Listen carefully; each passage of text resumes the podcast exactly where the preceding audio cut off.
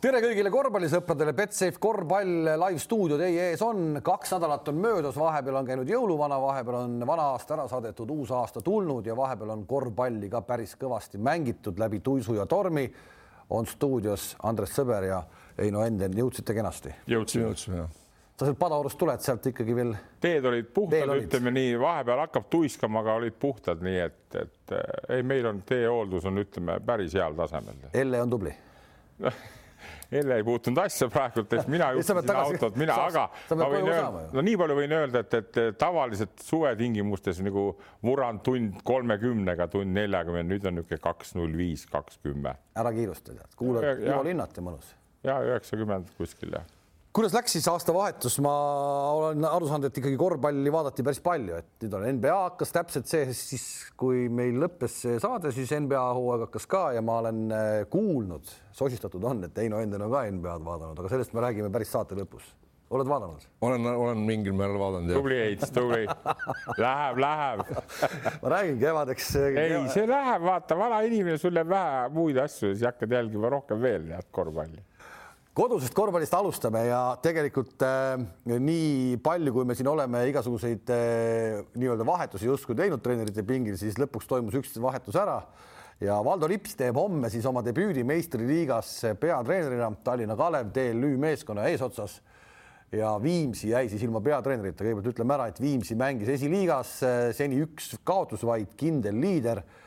selline vangerdus, minu arust see, et värske veri tuleb liigasse, on äh, peatreeneri näol väga tore kindlasti ei üldse ei, ei vaidle, ei vaidle vastu. kui sa nüüd hakkad täpsemalt küsima, et mis ma Valdo Lipsust arvan no., siis eh, ma treenerina ei oska tast veel nagu midagi arvata, no eks see esiliigat ma vähe tunnen, et siin on mehed, kes tunnevad paremini esiliigat, aga, aga noh, teda kui inimest ja kui mängijat mäletas, siis tasakaalukas, tark mängujuht ja, ja ma arvan, et. Eh, no selle tasakaalukuse puhul pealt mängujuhina, kui ta Atsos veel mängis omal ajal, siis ma võib-olla natuke vaidleks vastu. ehk et tegemist oli ikkagi sellise kõva, ikkagi sellist... nagu maadlejaga, et ikka kui vaja, siis ikkagi löödi. ta oli võitleja, ta oli, ta oli võitleja tüüp, aga selles mõttes, et ta nagu jagas mängu ja ta ei noh, ei, väga palju lollusi väljakul ei teinud, vähemalt ei tule meelde, et on ka tükk aega tagasi, eks ole. ta oli koondises ka ju neli aastat. oli mingi aja, oli, oli, ei, see, see on et aga, aga siis eh, sina nagu treenerina tead teda võib-olla siis paremini, et. ma tean, tean, aastanumber oli üheksakümmend, siis tuhat üheksasada üheksakümmend, ma olin pedameeskonna treener, tead, vahetult enne kui ma Soome hakkasin minema. Ja mul meeskonnas olid siuksed mehed nagu Valdo Lips, Gert Kullamäe,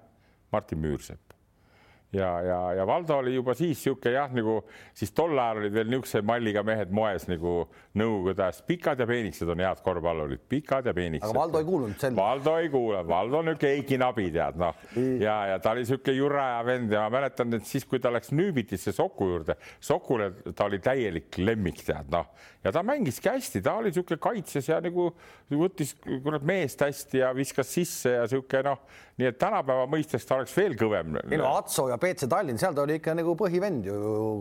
Andresele ta pidi sobima küll, et kaitses kõva, ta oskas hästi võtta nii et, et ei, ei tal, tal on hea ja kui treeneri ameti juurde minna, et ta ei olnud, ta ei olnud mitte eelmine aasta Viimsi peatreener, vaid abitreener. just. ja nüüd siis siis sai Tallinna Kalevi peatreener. ja see, mismoodi ikkagi see Viimsi korvpalliklubi tööle on pandud, äh, see on, see on minu arust ikkagi märkimisväärne, see on ikkagi ma arvan, et isegi tublimini, tublimalt töötav korvpalliklubi, kui Karut seda ongi. kas nüüd on nagu Viimsi siis kiitmise kord või? no võiks olla natuke. ma viskan vähekene, raputan tuhka ka no,, aga miks nad meistriliigasse pole tulnud, noh, kõik on nagu all right, pakutakse ka, vaata, siin oli jutt. Step by step, ärme forsseeri. no mida kaua nad ka forsseerivad, saal on, mängijad on, embleemid on, varutus on mängijad mitmendat aastat, nad on esiliigas juba seal vot mina ei saa sellest aru, nad on mitmendat aastat esiliigas nagu seal üleval otsas, eks tead, noh, mida nad nüüd, mis nad siis nüüd mängivad, tead, esiliigat vaatavad neli-viissada inimest neil seal vahel, tead, noh. ei, see on tubli, tubli no, kogukond. kas ei julge ühte tumedat poissi sinna kutsuda mängima või? nii et mina arvan seda, et, et tublid küll, aga nüüd võiks selle sammu edasi teha, tead, noh kui siin Pärnu mõtleb juba Euroliigast, no siis Viimsil oleks ammu aeg mõelda meistriliigast, tead. nüüd on teid ilma peatreenerita, läheb Kalevisse saame me nagu, saad sa nagu mingit treeneri käekirja Lipsu puhul öelda, mina ütlen ka, et ma ei tea, mis see, mis see käekiri võiks olla, et, et milline ta siis täpselt nagu on, mis ta seal Kalevis muudab. iseenesest väga nagu huvitav fakt, et Martin Müürsepp jääb abitreeneriks, et tegelikult selline asi noh, ütleme nagu maailmas ükskõik mis, mis, kus sa oled, et see päriselt nii ei toimi. saa päris maailmaga võrrelda ka. see nagu. ärme nüüd roni Eesti korvpalliga maailmakaardile kohe päris veel, et oleme oma liivakastis edasi. kõik, mis, no ükskõik kus, et noh, et sul, see ei ole isegi maailmas, no ütleme, et noh, et kui sul ikkagi tuleb uus peatreener siis reeglina abitreener läheb ära. räägin Baltikumist kas. nüüd on, nüüd on Eestis on eh, ühe hooaja jooksul kaks eh, sellist hetke olnud, et eh, Marko Kristal jäi Nõmme Kaljus peatreeneri ametist abitreeneriks mm. -hmm ja Martin Müürsepp jääb äh, abitreeneriks siis Tallinna Kalevis. võib-olla töötabki hästi uus trend, toome maailma uue trendi, et äh, mine tea, kogemustega mees astub tagasi, natuke hakkab nõu andma. sest maailmas, ma... sest maailmas tegelikult on ju trend sellel aastal olnud ka see, et Himkis vahetati abitreenerid välja.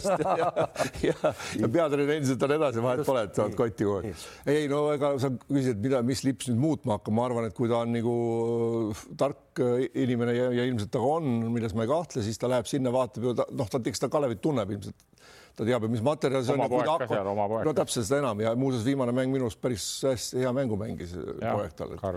aga noh, et äh, noh, ma, ma treener ju läheb sinna, vaatab, mis materjal sul käes, selle järgi hakkad ehitama, mitte selle oma mõtetega, siis vaatad, kas saavad hakkama või ei saa. siis ta saab sealt kiiresti Viimsisse tagasi piletit no Karli seisukohast ma ei tea, ma ei kujuta ette, kas ma tahaks olla selles olukorras või mitte, kui vanamees tuleb nagu peatreeneriks. noh, eks tänapäeval võib-olla on ju nii, et, et enam seda ei ole, vanasti võib-olla öeldi, tead isa ja poeg ei tea, mis nüüd on ju tead, profivärgid on kõik ja küll nad hakkama saavad, aga võib-olla tagasi veel see, mis kõige tähtsam minu meelest on see, noh, see Kalevi värk on üldse täitsa müstika, tead, me oleme arutanud seda Just. mitmeid kordi ja, ja, aga ma arvan, kõige tähtsam on see, et Müürsepp sai hea sõbra endale sinna. nüüd nad saavad kahekesi nagu õiendada seal tead, noh ja, ja muidugi kõige. Ei ole vale punt ja võib-olla siis ei võeta ka Kalle Klandorfi telefonitoru alati vastu, et las Kalle teeb vastamata kõne, et sa ei saa juhendama. ei no vaata siin, ma arvan, nende edu seisnebki palju sellest, kuivõrd palju Janson ja Klandorf vahele segavad, tead. kui lasevad rahulikult toimetada kevadeni, noh, niikuinii välja kuskile ei kuku ju noh. kui nad kukuks esiliigasse, tead võetakse kõik välismaalased ja mängivad meiega, siis on probleemid, tead noh. aga neid ju välja ei kuskile ei kuku, tead ja lase nüüd poisid toimetavad, tead, nii et no enne oli ju Müürsepp üksinda, tead tead ja aga nüüd nad kahekesi lipsuga, arvan, võivad kaks varianti on, kas väga hästi või. no me saame seda homme näha tegelikult, kui kui mängitakse juba Raplaga, eks, et ja.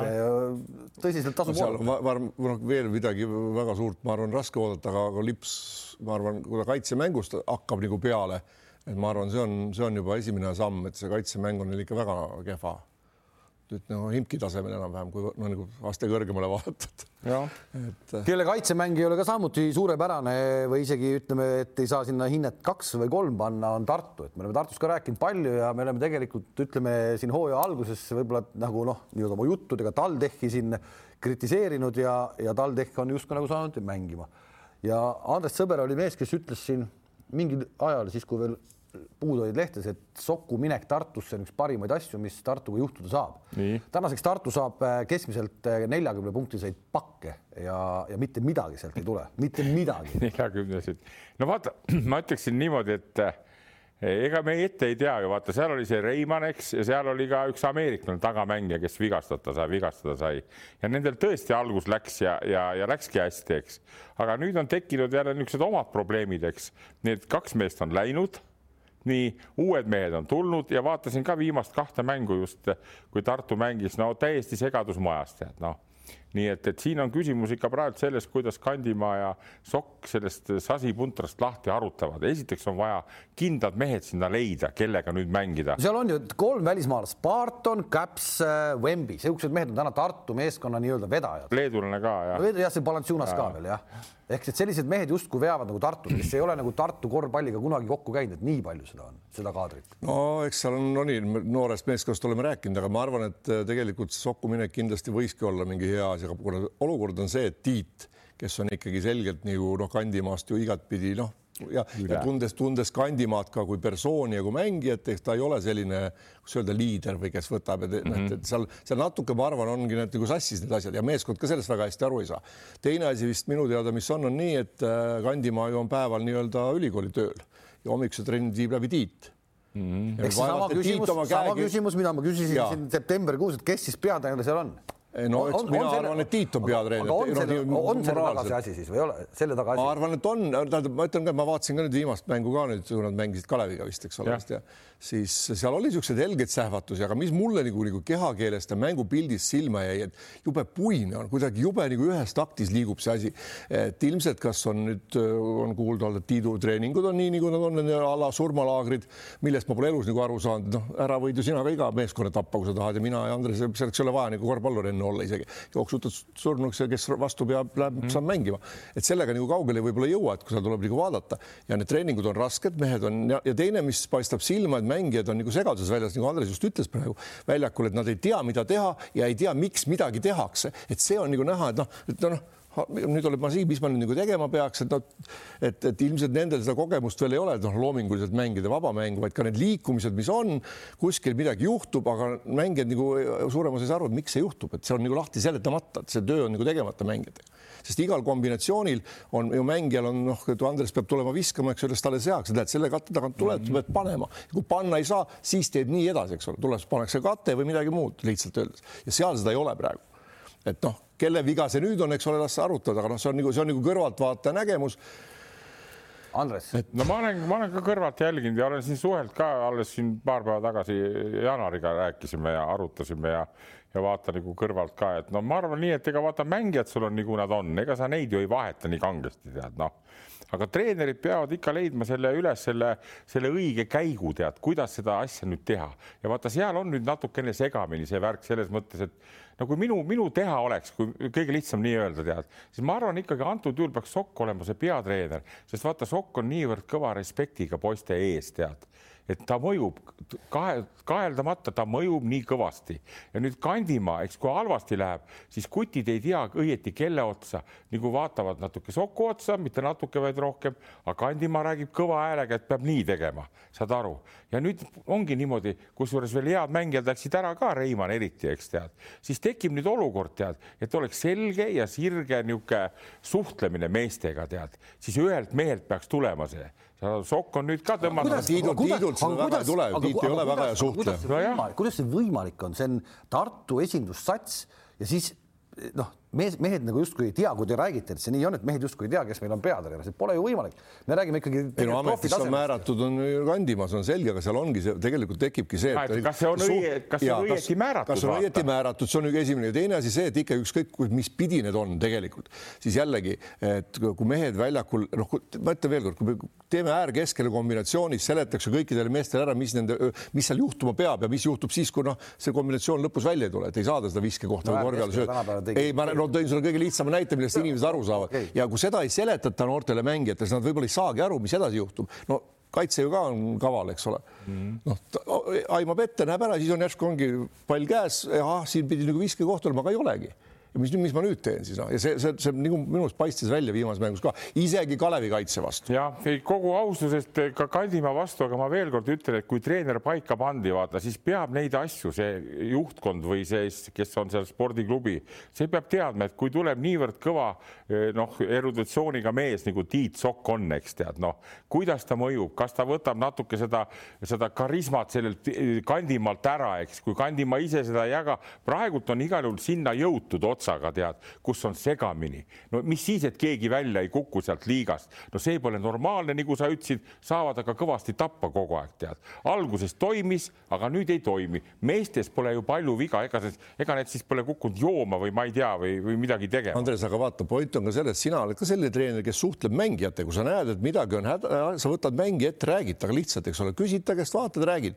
seal ei ole minu arust kumbki nendest selline, kes seda teeb. ka Pärnus on, eks ole, Kullamäe, ma nüüd noh, Rannula ilmselt ka Kullamäe eelkõige on selline mees, kes võtab ette, suhtleb mängijaga, eks ole, loob. usun Rannula ka on ma usun ka, pigem on ja, aga, aga ja noh, aga, aga seal ei ole kumbki minu arvates, noh, tundes neid inimesi, et noh, Kandimaa on ka mul mänginud, eks ole, ma nagu tean, no on muutunud või ei ole muutunud, aga no minu arust ei ole kumbki selline, kes nagu noh no see on üks omadus, vaata, see on treeneri ameti juures üks omadus, nagu mängijal on teatud omadused, et sa, et sa õnnestuks hästi.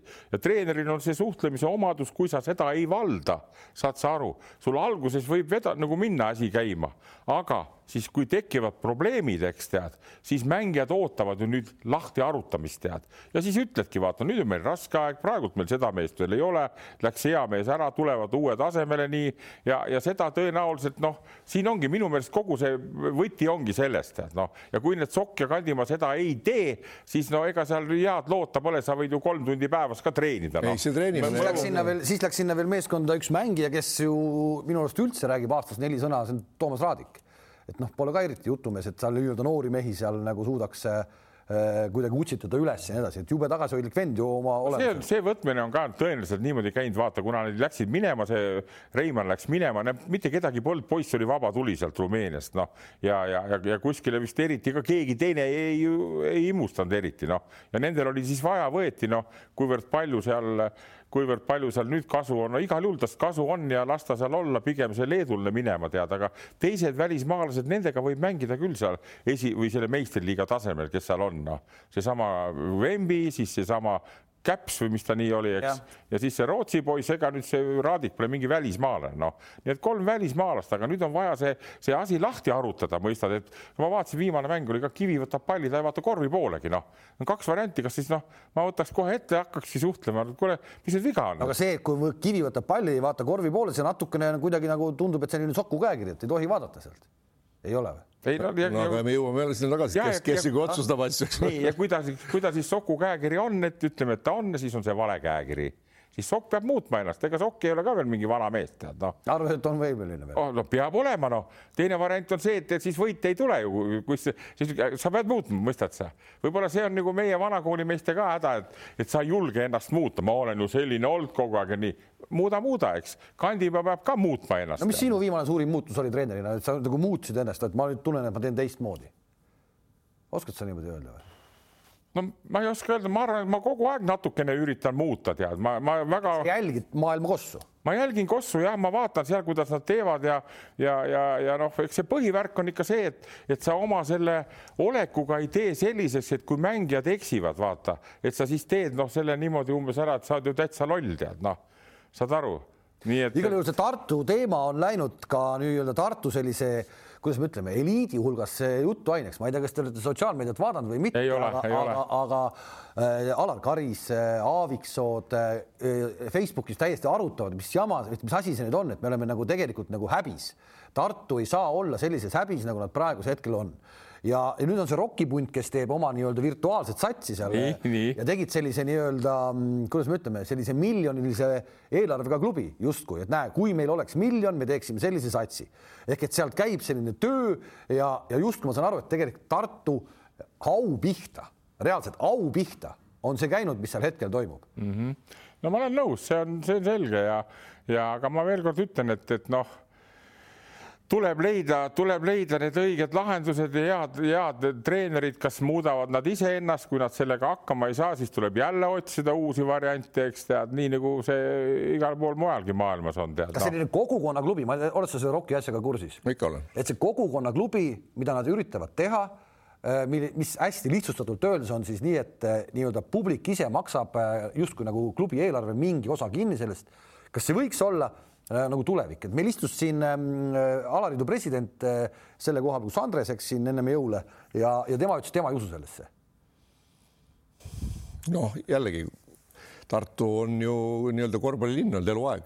ka kogu, kogu Lõuna-Eesti. kogu Lõuna-Eesti ja, ja täpselt ja see idee ei ole üldse mitte halb seda proovida, ma olen täiesti, ma olen jälginud seda nagu kõrvalt ja ja kui ma ütlesin, ma pole sotsiaalmeediat järginud, siis Alar Karise sõnavõtt jäi mulle küll silma Facebookis ja ma aeg-ajalt. ei no kui sellised mehed tegelikult sõna juba võtavad, see ja, näitab, et nagu. ei on ja aga siin see, siis järelikult on ka Tein ja kumpaniid nagu õigel teel, eks ole. no nemad on õigel teel, aga see, et noh, ikkagi nagu haiget teeb, noh, et valus on ikkagi. aga muidugi, aga muidugi, aga no, kus, kuhu on langetud, eks ole, kas seal on, mis selle asja, mis selle asja nagu mõte on edasi niimoodi nagu teha mis selle asja mõte on? ei olegi, ei olegi mõtet niimoodi. ei ole mõtet nii teha. ma olen nõus ja praegult on see asi halvasti, aga ma ütlen veelkord, poisid, seda, et et, et, et eelmise Tartu laialiminek, eks ju, põhjus, põhjustas teatud põhjused olid nii ja, ja äkki jäi kõik see, äkki jäi Tartu Ülikooli Akadeemilise Spordiklubi kanda see värk, eks. nii ei olnud seal teini ega ei olnud seal keda kolmandat, nii hakkasid tegema, said need mängijad, eks mitte head mängijad, nii. nüüd on jõudnud olukorda, kus on tõesti väga raske, aga seda, et seda olukorda muuta, siis mingi, mingi kogukonna raha korjamisega võtku kätte, tehku meeskond, tõestagu ennast paralleelselt kogu aeg. ma mõtlen, no nii, niinimetatud teinipunt praegult, eks tead, kolm võistkonda on esiliigas tead Tartus ja siis lõpuks tulevad, sest milles see põhi, põhiküsimus on, põhiküsimus Tartu Ülikool ja Tartu linn, need on põhilised raha andjad Nii. ja need annavad antud meeskonnale praegu tuge. Nad on nüüd küll pettunud, ka kaasa arvatud Max Moritz, eks nii, aga nad on pettunud praegu ka tulemusest tead, aga nad ei oska ka lahendust võtta, nad ei ütle, et tein tule tegema. aga miks nad ei ütle?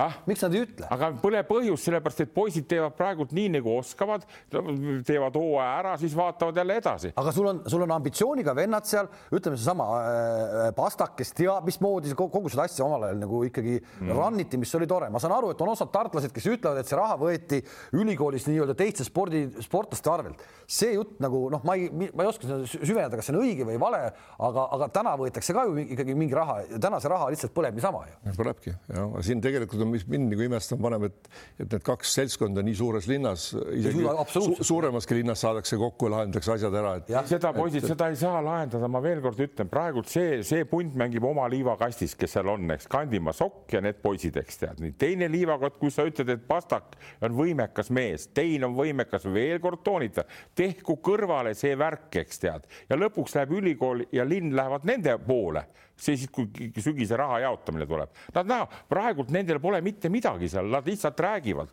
oma kogukonna juttu, tead noh, halloo, tead noh tehku võistkond ja, ja teevad südamega tööd, palgaku treener sinna ja nii edasi, aga praegult nad tahavad nagu kaabata ära seda, seda, seda, seda värki käest, kus on ka juba omad nii-öelda tegijad mehed, kes seda teevad, Tartu Ülikooli eh, see spordiklubi nii, nii lihtne see ongi, noh. samas on see, samas on see ka nagu äh, ütleme kummaline, kui, kui väikestest asjadest see kinni võib olla, ma, ma kujutan ette, kui tulevad kohalikud omavalitsuse nii-öelda valimised, eks ole, ja, ja võim ilmselt Tartus vahetub, nagu me kõik teame, et see vist vahetub, et Reformierakond ilmselt ei jää sinna pea. no me ei tea seda, eks. ja ma kujutan ette, et siis hakatakse seda raha ka ümber jälle jagama ja see on selline jube ebastabiilne või libe jää, kus käia ju ei ole. no kindlasti on no,, poliitika on üldse libe, libedad no. asjad et ei oska öelda, mis seal toimub. sa kandideerid see aasta või? mitte see aasta, kui tulevad. kuhu? No, ei. siin on ju uus jõud tulemas. ei, ei, ei. ei kandideeri, kindel ei, ma veel kord, ma veel kord, Kalev ja Heino ütlen teile seda ära, et igal pool on omad kindlad, näiteks nagu Rakveres on lihakombinaat, on kindel sponsor, eks ju tead, linn ka natuke aitab, nii, mitte natuke, vaid rohkem. nii Tartus on ka need ja nüüd veel Max ja Moorits, kõva mees Olle Orm tuli ka appi, eks. Need jäävad igal juhul meeskonna juurde, kas seal on Obradovitš või Kandimaa, eks tead Enden või sõber, pole vahet, need ikka kolmekesi jäävad, eks tead, aga praegult on need mehed, kes seda värki teevad, on oma asjadega natukene ebaõnnestunud, mitte natuke, vaid päris palju. ja nüüd ongi variandid, kas kevadeks teevad asja korda, saavad jätkata, kui ei tee korda, siis poisid ja saalid jäävad samaks, rahad on ikka olemas, eks tead, sest kui see oleks nii lihtne, võtku see tein siis ja pangu viissada tuhat mängu ja, ja tehku see meeskond kõrvale, ei ole noh, pole ka Tartul seda raha kuskilt mujalt võtta, nii et need kolm kolm suurt sponsorit. no ma jään selle juurde ikkagi, et mina jään selle juurde, et raha mingis mõttes armastab raha ehk et kui sa teed nagu head asja, siis tuleb sinna juurde ka see raha. täna Tartu Ülikooli äh, meeskonna juurde see, et tuli Max ja Moorits äh, Olle Hormi näol, see on, see on, see on selline nagu no nagu üldse Eesti spordis selline metseenlus, niikuinii on see spordi toetamine ja see, et ta tuli, see on ikka uskumatu nagu äh, lugu, see on uskumatult hea lugu, et selliseid inimesi Eestis veel olemas on, nagu on see Max ja Moorits ja Olle Horm aga raha armastab raha, et kui sa teed nagu ägedat asja, kus sul on saal täis ja nii edasi, nii edasi, edasi, siis, siis, siis, siis raha armastab raha ja ma siin ma natuke ka oponeeriks sulle, Kalev, vastu, kuna sa oled must noorem ka ja kuna ma olen teinud nii kaua aega seda ka, siis ma ütlen veelkord, Eesti-suguses riigis on nii, et sa võid ka väga hästi teha, see ei piisa sellest, et sa siis kohe saad kõvasti sponsorid, elu on näidanud. Elu, me mängisime Tarvasega ka Euroliigat mängisime, tead, iseenesest esiteks keegi ei huvitanudki seda, tead see on üks asi. ja teine asi on see, et see sponsorlus ikkagi on puhtalt kinni isiklikel suhetel, mõistad sa? Tuleb sul kõva hea sõber, kes, kellega saad hästi läbi, ta on nõus andma sul sada tuhat, eks selle, selle läbiviimiseks tead. nii et, et siin, mis see Eesti klubi ikka siis nii kangesti teha saab, et, et ta teeb nii suured tulemused, et nüüd hakkavad äkki igast nurgast raha tulema, ei ole. seal on kuidagi selles mõttes on Tartus lihtsam, Tartu saaks eh, mitte lihtsam, aga ta saab nagu ikkagi olla kogu Lõuna-Eestit ühendav sats, põhimõtteliselt saab olla. Ja see on, see on seal tähtis, noh, see on seal tähtis ja leida mingilt sajalt või ma ei tea, kahesajalt ettevõttelt mingisugune väikegi summa, mis mingil ettevõttel pole mingi asi lihtsalt sellepärast, et tulla ja panna Tallinnale äh, agu no,. see no., see võiks olla nagu esmane motivaator. see eelis kindlasti on näiteks Rakvere, Rakvere ees on see kindlasti eelis Tartul no, igal juhul. Rakvere eelis on, Rakvere ei saa niimoodi. ei saa, nii ongi ja ma ütlen, Tartul on see eelis olemas kindlasti, seda praegu ei kasutata ära okei okay,, äh, jätame Eesti siia, siia äh, paika ja läheme maailma. Henri Trell on meil täna teemaks ja väga paljusid jahmatas, kuidas peatreener Jasmin Repeša käitus meie noore talendiga. osad ütlevad, et lõi teda, teised ütlevad, et ei löönud, aga sakutamine mõjus, võime öelda nii, tegelikult on natukene minu arust trell teistmoodi mängima hakanud küll no ma tean, millest see, millest see tuli, see üldse kogu see situatsioon, et see üks väike lõik on, see algas peale võib-olla kaks-kolm minutit varem Nii. ehk vastasmeeskonna äh, mängija, ääremängija, täpselt Repeša nina eest pani üle käe rasket kolme, kaks tükki järjest, kaks minutit järjest, mille peale Repeša sisemiselt vihastas, siis käsutas trelli pingi pealt püsti, noh, läks mööda ja oma emotsioone tal nii kaasa, natuke elas ennast välja, andis selle laksu. no me oleme, mina tean, et omal ajal, et Komeski, ma arvan, kõik on Komeski käest saanud laksu, küll tagumiku pihta, sest Komeski kõrgemale ei ulatanud lüüa lihtsalt mängijatele. aga Repes ulatas kõrgemale lüüa ja, ja tegelikult eh, noh, seal nagu mingit lööki polnudki, see on täitsa tavaline, natuke tukast kinni, see on niisugune emotsioon, millest mängija absoluutselt ei solvu, ei saa haiget sellest ja näiteks järgmine mäng, kus siis oli Bologna vastu vist oli nende mäng, siis kui ta trelli mängu saatis, siis ta silitas tal pead, nagu tegi pai talle ilusti vaikselt, noh, et see ongi niisugune noh, treener elas oma emotsioon, tal polnud seda kuskile panna, no tehniliselt ei tahtnud võtta, eks ole, noh, mees tuli, pani litaka ära ja noh, mängija saabki nii arust, tema ei olnud ju milleski süüdi, pingi peal, no midagi ta valesti ei teinud, eks ole. Noh. et selles mõttes ma arvan, et see oli täitsa okei okay,. ei, ma seda ka eriti ei vaadanud ja nagu ma siin mainisin enne ka, olen natuke põgusalt trelli, ma olen trelli fänn, ütleme ausalt ära, tead, veel kord ma ütlen talle, mulle on eluaeg meeldinud korvpallurid, kes hüppavad kõrgele, jooksevad kiiresti, viskavad palle sisse ja nii edasi. ja tõstavad käed taeva poole. ja tõstavad käed taeva poole, nii selleks meie vanemad inimesed olemegi, treenerid, pedagoogid, et vahepeal siis maha rahustada. Noored ajakirjanikud ja noored treenerid ütlevad, vaata ülbe kutt, eks tead, on ju ülbe kutt, nad on kõik siuksed tänapäeval, nii see on üks asi. aga teine asi see, et ta nüüd natukene on saanud jah, nagu eh, Atra on vao peale saanud ja, ja, ja ärme tuletame ikka meelde, ta ei mängi kuskil esiliigat, ta on meistriliiga võistkonnas koos näiteks niisuguse mehega nagu Delfino, Carlos Delfino tead mm. -hmm ja, ja, ja see näitab, kui, kui kõrgelt ikkagi on tema eh, noh, aktsiad praegult hinnatud, eks, ja olen temaga suhelnud ka paar korda, olen öelnud ka, pead vastu pidama ja, ja kui sul muud variantigi pole, siis on niisugune nõu, mäletan kunagi Kangurile ütlesin ka, kui ta oli Prantsusmaal, lubas treeneril kohe kaela kahe korra keerata, tead. ma ütlesin, mine suhtle treeneriga.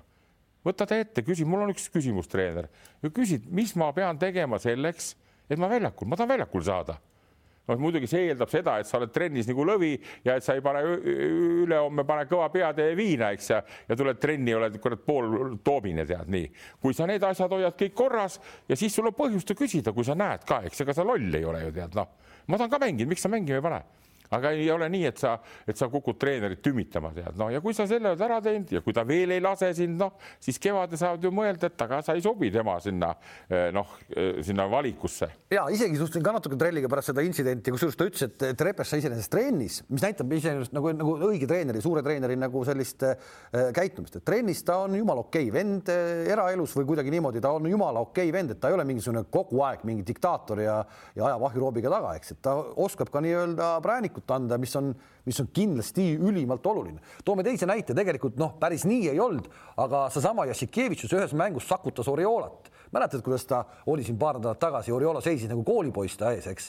ja nüüd, kuidas ta mängis viimaseid mänge, et nagu ka täiesti ja pärast, pärast intervjuus ju Assikevitšus eraldi veel kiitis, et, et, et Pierre tegi supermängu, eks mm. -hmm. et käib ka palju suuremate staaride vahel sama asi. aga selliste treeneritega, kes ongi, kes, kes näitavad välja ja ütlevad välja, mis nad sinust nagu arvavad, ongi palju lihtsam ka mängijal nagu läbi lüüa, mitte see, kes on vait, eks ole, noh, ei kiida, ei laida, läheb omaette mõtleb, arutab seal klubi juhtkonnaga, et kas visata minema sind või panna mängima parem tule ütle välja, see on otsekohesus ja see on mängijale ka lihtsam niimoodi noh.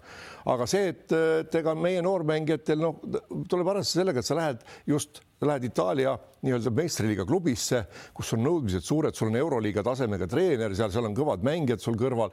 võit on oluline, eks ole, eks ei ole meelakkumine, sa oled väljamaalane seal, sa oled, sa tuled nagu tugevdama meeskonda või siis sind võetakse nii-öelda perspektiiviga, eks ole, et seal aasta-kahe-kolme pärast, no nagu Teemu Ranniku kunagi võeti ka Itaaliasse, poisikesena sinna, siis pärast hakkas mängima.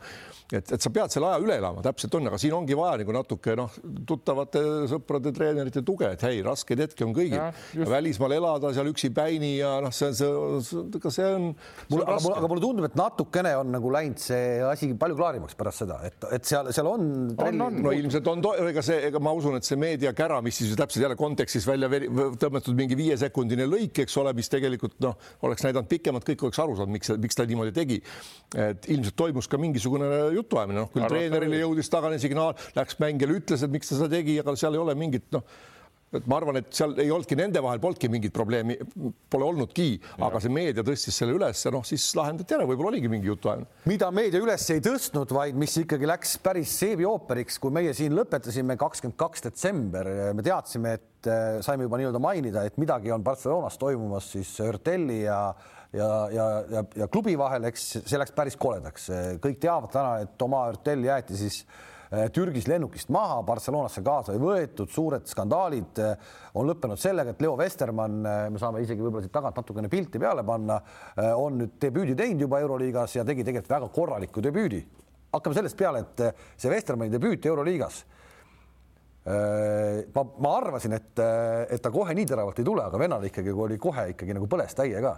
vaata, kuidas ta ju mängis esimesel poolel, ma ütlen paremini kui Galates veel, see Valencia vastu mängus et äh, teisel poolel Galatas võttis ennast väga kokku ja näitas jälle ära, kes on liider, aga see duo seal on päris huvitav no praegult käib ütleme praegult käib ja saab näha, kaua Barcelona see juhtkond laseb nagu äh, tuulata sellel Jassikjävitsusel, aga praegult käib nagu tema käekirja peale panemine, mis ei ole nüüd viimasel ajal üldsegi jälle paha olnud, vahepeal tuli kolm korda tead tuppa kohe siis selgelt, eks tead. seda ma räägin, see sats peab kevadel, kevadel, kevadel peab see sats olema. jah, aga ma ütleksin veelkord no see, et ta on kõva treener, ei ole siin probleemigi, sest vaata, kes tal edurivist praegult mängivad, eks mängib lätlane Schmidt Smits, Oriola, Martines ja siis, mis selle Ukraina poisi nimi on, see pikk poiss, niisugune tead korvi all Pustavoi, Pustavoi, nii, et praktiliselt need ei ole mingi Euroliiga tipp neli meest, ei ole, eks tead. ja, ja ta ei, ta oskab mängima panna, nii, aga on vaja osata ka siis, kui sul näiteks Mirotits on või on seal, ütleme, Huertel, kes nüüd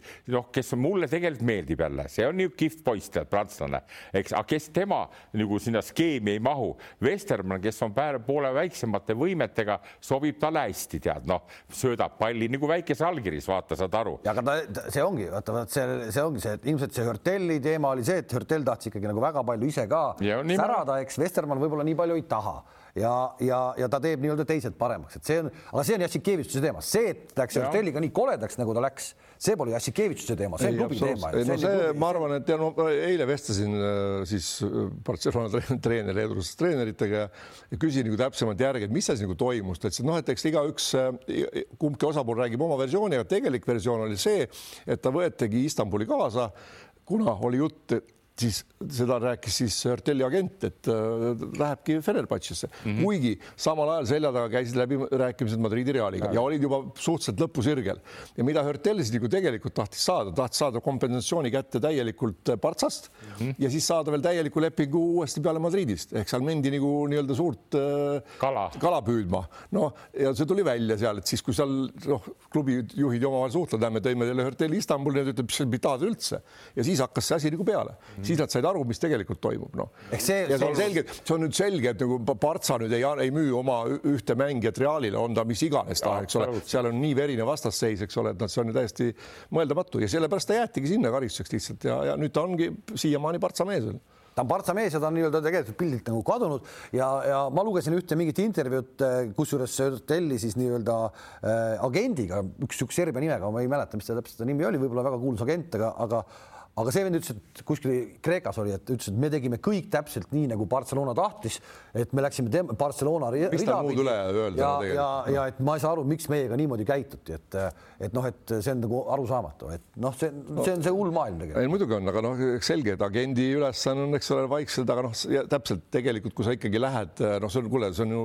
selgelt näha, et, et või noh, mida sa nagu teha ei tohiks, sa ei lähe ju oma kõige kõvemale konkurendile pakkuma mängi, et noh, see, see on selge, et see klubi, noh, juba eos ei lase ta niikuinii läbi, miks sa teed seda no?? ja nüüd vaatame tegelikult, et see hääletus justkui tuli siit läbi, et meeskond tahtis ja seda, noh, see Seda, see on jah, no mis see meeskond ikka ütleb no, eks ole, no mängijad võivad omavahel kokku saada. kas, kas, aga kuidas, aga kuidas ma ise tabasin ennast sellest mängu, kui ma seda Valencia mängu tegin, mõttelt, et kui Vestermann sinna esimest korda sinna riietusruumi läks, et eh, ega sellel vennal hea minna sellisesse kohta ju tegelikult ei ole ei tea, mina arvan, Vestermann on suhteliselt külma närviga mängija, mulle tundub ja, ja noh, noh, ta on ikkagi mänginud, ta ei ole mingi poisike enam, kes on läheb. aga panite ühte asja tähele, Galatas ei andnud Vestermannile selles mängus ühtegi korda palju söötu, kui nad koos väljakul olid sellel hetkel Galatas mm -hmm. Vestermannile ühtegi ei andnud ah,. võib seal olla mingisugune asi või, või? no vaatame, kuidas edasi läheb, hakkame siis tegema järelduse, ärme teeme esimese mängu pealt järelduse. ma vaatan ikka seda Jasik Jäävitsuse poolt ka seda fenomeni, et, et kui ta allkirjas pani need mehed, ütleme nii kõvasti selle oma rusika jälgi tegema, mõistad? Siis nüüd tal on Barcelona käes, tead nii, ja seal on Vaksmaad kõvema klassiga mehed, kõik need Higinsid ja, ja, ja, ja Galatesed, nii edasi, Mirotitsid, et kuidas ta nüüd, kas ta paneb sama stiiliga ja kuni lõpuni kevadeni välja? Või praegult on juba tekkinud esimesed niisugused kõvad vastuseisud. ta murrab ära need, ta murrab no, ära need. me ei saa rääkida, kas ta, me vaatame, mis tuleb no., eks mõistad sa. kui ta murrab ära, on ta kindlasti finaalis, eks tead. kui ta ei murra, ta võib langeda päris kaugele, saad aru. ja mina natuke pelgan seda, et ta ei murra, vaata, sest need kutid, need keeravad tal natuke, te ütlete küll, et, et mängijad arvavad, mängijad olid sel hetkel Huertelli poolt ja see ei saanud ainult nii olla, et on Ortellil on midagi vale ja Sikjavitsus võib-olla ka ei osanud oma väheste kogemustega suhelda Oertelli suhtes korralikult, mõistad. ta lihtsalt pani nagu mingi Leedu eh, tavalisele kaerale, kuule, sa istud siin, ole vait ja nii edasi ja nii edasi, noh. teine on ikkagi nii, niivõrd kõva tasemega. aga, aga, aga viimased mängud, võtame sedasama Valencia mängu, see näitas ju tegelikult, et äh, et selles satsis ei ole just midagi viga, kõik tulid, kõik tahtsid, kõik tegid. Kalev, enne seda kolm mängu kaotati, kolm mängu kaotati. Me, me räägime ikkagi nagu Euroliiga tippsatsist, Euroopa ühest tugevamast klubist, ajalooga klubist ja sinna ei palgata ühtegi treenerit, teadmata tema nii-öelda nii isikuomadusi, samamoodi ka mängijaid. aga samas ja sa ütlesid Versel..., mäletad, sa ütlesid, et CSKA ei tahtnud Jassikevitšust ja ei, nad arvasid, et ta ei, nad arvasid, et ta ei pruugi nagu sobida sinna, et oma selle käitumise poolest, aga ega ma arvan, et ega seal käitumisel küsimus ei ole treeneri käitumises sellel tasemel mängijatega, vaid küsimus on selles, et millise mängujoonise sa tood. Ja kui meeskond aru saab, et sellel on potentsiaali just sinna Final Fouri või sinna toimima hakata selleks ajaks, siis nad teevad kõik selleks, et seda toimima saada. kui meeskonna sees, kui mehed omavahel jõuavad selgusele, et see asi on vale, mida tehakse, siis tekib, peab tekkima mingisugune äh, nii-öelda kommunikatsioon, et nad peavad noh, ja siis sellel tasemel öeldakse treenerile, et kuulge, treener, et see ei toimi, et selle, sellepärast arutatakse asi nagu läbi. ja Sikavitš, ma ei usu, et ta on seal niisugune diktaator, et ta nüüd oma, sest kui me vaatame sedasama Žalgirist, mis ta Žalgiris tegi ta seal võis sõimata ja räusata nende mängijate peale ja vene roppustega, mida iganes. peale mängu ta läks, surus kõigil käppa ja võttis ümbert kinni, sest tegelikult ta on, ta on ju ise alles noh, hiljuti olnud mängija, mängija, emotsiooniline mängija, kõike, ta tunneb kõiki neid erinevaid treenereid, et küll ta on, ta on palju kavalam ja ta võttis ka sellepärast oma selle äh, Moskvaljunased ja, ja see komponent sinna kaasa, et noh, see ongi tiim, kes selle, noh, kes aitavad tal seda asja nagu ellu viia. ja ma pakun, et täna sellist asja ei ole selles satsis veel olnud, et satsis nii-öelda juhtmängijad läheks treeneri juurde ja ütleks, kuule, see asi ei toimi. ma ütlen, et sellist ei, asja ei ole. ei ole, ei ole ja mis teil praegu puudu, neil on kaks üliolulist lüli praegu puudu, Mirotic ja Brandon Davis. Noh, Davis on vigastatud kes... ja Mirotitšil on oma seal isiklikud mingid Nii. probleemid, mis kohe-kohe ära lahenevad ka, et, et need ja need on no, mitte ainult põhiviisiku mehed, vaid ka kandvad jõud ikkagi läbi kelle käib väga palju mäng. noh, Davis teeb ise, loob teistel olukordi samamoodi Mirotitšiks. tuletame meelde, kuhu veel Jassikevitšist läks eh, selles mõttes halba pessa, me teame, mis on Barcelona rahaline seis täna ehk et seal pidid ju kõik mängijad ikkagi päris suure palgakärpe üle elama ja, ja Mirotic oli üks esimene, kes ütles, ma olen nõus sellega ja nii edasi, nii edasi. ehk tal ei olnud ka selles mõttes tegelikult lihtne sinna minna, et justkui võiks öelda, et meestel on nagu mast maas. ja, ja ma ütlen, et ta murrab ära ja seesama see, see, see niimoodi käibki sellise asja ülesehitamise, suure asja no, ülesehitamise. võib-olla ma lisaks veel siia vaadake ka, mina tundsin, mina olen tundnud selles Jassikjavitsuses päris palju ebakindlust selle aja jooksul juba ja kasvõi üks näide, eks tead, no Ortelliga nad ei sobinud, see ei olnud tema jaoks playmaker ega midagi. seal võistkonnas on veel Adam Hanga, eks tead, kes ka number ühte võib mängida vabalt aga Jassikjevitsus oli niivõrd leilis, et ta ronis juba oma koduklubi kallale ja hakkas sealt seda, mis see Volkop. Volkopi, ta hakkas seda võtma, ta unustas, unustas kõik Salgirise ilusad ajad ära, eks tead, ja ronis oma koduklubist, mis kust kohalt talle näidati kohe nii sa ei saa seda meest, see, see näitab minu jaoks mingil määral treeneri ebakindlust, et need mehed, kes talle ette nüüd on pandud, ta ei saanud vahetada, kui ta treeneriks palgati, lepingud olid olemas, aga ta tundis, et ta nende meestega ei saa nagu väga hästi hakkama. Galates, Anga, Coertel, eks, hakkas siin nüüd muutusi kohe otsima. seal on ainuke on, on Hörtel, kes ei sobinud reaalselt tema mängujoonisesse, see on nagu, see on okay, tema enda, nagu, tema enda sõnad. Ja, ja, ja aga selle, ta otsiski vahetust selle, oli siis Volkap või Vestermann, vahet ei ole, tal oli ühte mängijat vaja ja ta ei tahtnudki muud teha midagi. No kui me jõuame. ja proovida küsida, sa võid ju ikka küsida suu peale lööda. kui me jõuame kevadiste play-off idesse, siis mõtle selle peale, mina mõtlen, kuidas on Sergei Martines, selline vend, keda me võib-olla ei teadnud sügisel üldse, mis mees see niisugune on mm. -hmm. Alex Abrinest me teadsime, aga vaata, kuidas see mängib. Roland Smits, kes eelmine aasta ainult selle tõttu sai mängida, kui oli Viktor Klaver oli vigane, siis Smits pandi mängima esimeseks kaheksaks minutiks, rohkem ei saanud. Need mehed, need kolm meest, mõtle, mis lüli see on äh, tegelikult play-off ideks, kui play tean, tean neid mängijaid kõiki, aga poisid, ärge unustage ära, kolm kaotust enne Valencia võitu, kolm kaotust olid all, eks tead Need mitte meelega ei kaotatud, mõistad sa. mina räägin nagu sisemiselt, mida ma tunnen, eks. nüüd võeti see võit ära ja Valencia oli ka nii, nagu ta oli selles mängus. aga kui need tõsised mängijad või mängud hakkavad tulema, siis selleks peab meeskond hingama väga palju ühte. vahepeal ei ole Barcelona ühte hinganud, eks tead. see, mis me kuulame meedias kuidagi ühte või teist või kolmandat asja, see on erijutt, tead. Andres, aga seal on sellised mängijad, kes ükskõik missugune läbisaamine neil on treeneriga, nad lähevad alati võitma seda mängu Nad ei, aga Heinz, aga Heinz ei ole võimalik võita, kui sul ei ole niivõrd tugevat. aga see on mängijate sisemine, sa, meeskond istub ise maha, Andres, no täiesti, võta, kui me paneme, seal on Galates, kes on võitja tüüp, kes on võitja tüüp, kes on ise otsustanud mängida, kuigi ta oskused ja võib-olla tehnilised oskused ei ole nagu maailma tipus, eks ole, aga mina ütlen, Vestermann on ka väga hea lüli, kes sinna tuli. et mm.. no Vestermann kohe esimeses mängus. ja ma usun, ei, ma tahtsin just öelda, et Vestermann oli parem valik kindlasti talle kui Volkap Volkap oleks ära seal kadunud tükiks ajaks, ma usun, et Salgis, see oleks tema jaoks liiga suur samm veel olnud. aga aasta-kahe pärast, aga, aga Mirotis ja tegelikult, kui nüüd vaadata nende mänguskeemi, siis ma arvan, et see on üks parimaid meeskondi Euroopas tänapäeval, kes oskab ära kahetada neid ebavõrdseid vahetusi ja kuidas nad otsivad sinna alla kohe söötu, kui seal natukenegi tekib Mirotic või Davis. see pall läheb kohe nii, nii palju ja, ja, ja ega Jassik Jävitš nad otsibki seda, et kui palju keegi mis rollis kuskil on, et see hanga mängitamine ühe koha peal, ta saab hakkama sellega Jassikjevitsil on tal teine roll, ta on tal selgelt kahe koha peal, kus ta saab neid pikemaid vendi võtta ja ta ei pea seda palli jagama ja ta ikkagi ei ole ju üks. kuidas pannakse kaitset, no kuidas no. pannakse kaitset? ja aga ma vaatasin ka kaitse koha pealt ka, kuidas Algirises alati peale vabakaid pani seda üks-kaks-kaks või olgu, mis ta on, maa-ala pressingu peale, eks tead, pall sööti välja, kaks tükki läksid räppama kohe, siis siin ta lõikas sellega väga palju näppu mitmel korral ja nüüd panna need mehed ka kohe nii hästi jooksma, eks, ja kas sa saadki nii hästi jooksma? ei, aga see kõik on, see kõik on vajab harjutamist, sisseharjutamist, et seal mingil hetkel mehed teevad seda asja automaatselt, täna nad veel mehed, ei tee. mida nii kõvemad mehed on, seda vähem vaja harjutamist on. Salgirisega on vaja kõvemini harjutada. aga Salgirisega ta jõudis mitu aastat. ei, Andres, aga iga, iga, iga uus süsteem vajab harjumist ka meestele, ega siis ma olen CSKA-s võin sulle sama asja öelda, et seal võis olla neli venda väljakul, äh, kes jagasid maa-ala ära, siis olid Katšenko, kes ei jaganud ära, mis seal teha ja oligi ja käriseski nii kaua, kuni noh, seal hakati ta lükkama, noh, teda õigesse kohta panema, seal võib mõni mees, kes kohe ei taba ära seda, aga tegelikult, mis praegu hooaja käigus äh, loomulikult ta proovib, sest ta näeb, kas ta otsustavas mängus võib seda kasutada või mitte, kui see ikkagi neli-viis korda tal ei toimi, siis ta ei tule seda kasutama päris selgelt ju. Noh, lähme, lähme, lähme järgmise satsi juurde, võtame seesama Žalgiris, kuus võitu nüüd järjest, eks see mängupilt, mis vahepeal oli, jääme selle Vastuuria jutust nüüd eemale, seda meest enam pole pikalt, kuus, kuus võitu on ilma temata järjest võetud. ja mismoodi mängitakse, näiteks seesama Nigel Hayes'i äh, panus nüüd meeskonda, kui ma selle ülekande ajal äh, ütlesin ka, ta tabas nüüd on tänaseks tabanud rohkem kolme punkti viiskümmend kui terve eelmise hooaja jooksul kokku. Hmm. seitseteist mm. mängu on ta nüüd mänginud eelmine aasta mängis kakskümmend kaheksa ehk et see tegelikult näitab terve Žalgirise mängu sellist äh, nagu muutust, palju kolmeste peale loodetakse, see on üldse eri, eraldi küsimus, kas saab veel üks mäng minna rohkem kolmeste peale, kui täna Euroliigas mõned satsid mängivad.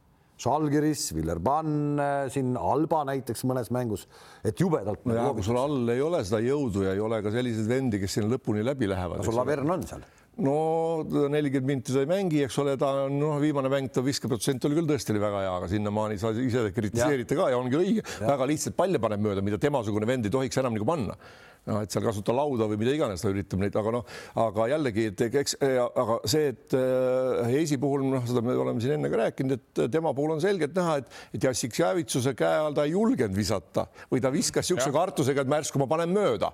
nüüd tal ei ole seda enam. aga ometi mingil hetkel ta kukkus äh, algkoosseisust välja, mäletame, et Jankunas alustas siin kaks või kolm mängu, tema asemel algkoosseisus tundus, et nagu mees tahab nagu kuidagi nagu täitsa nagu liimist lahti on, et seal, seal olid ka vahepeal ikkagi mingid täielikud sellised käärid, mis on nüüd nagu aga mängijatel kõigil tekivad mõõnad, nii meeskonnal kui üksikutel mängijatel ja see on näha, võib-olla oli füüsiliselt mingi asi, võib-olla oli mingi asi ja. vaevas natuke, kõike ei tea.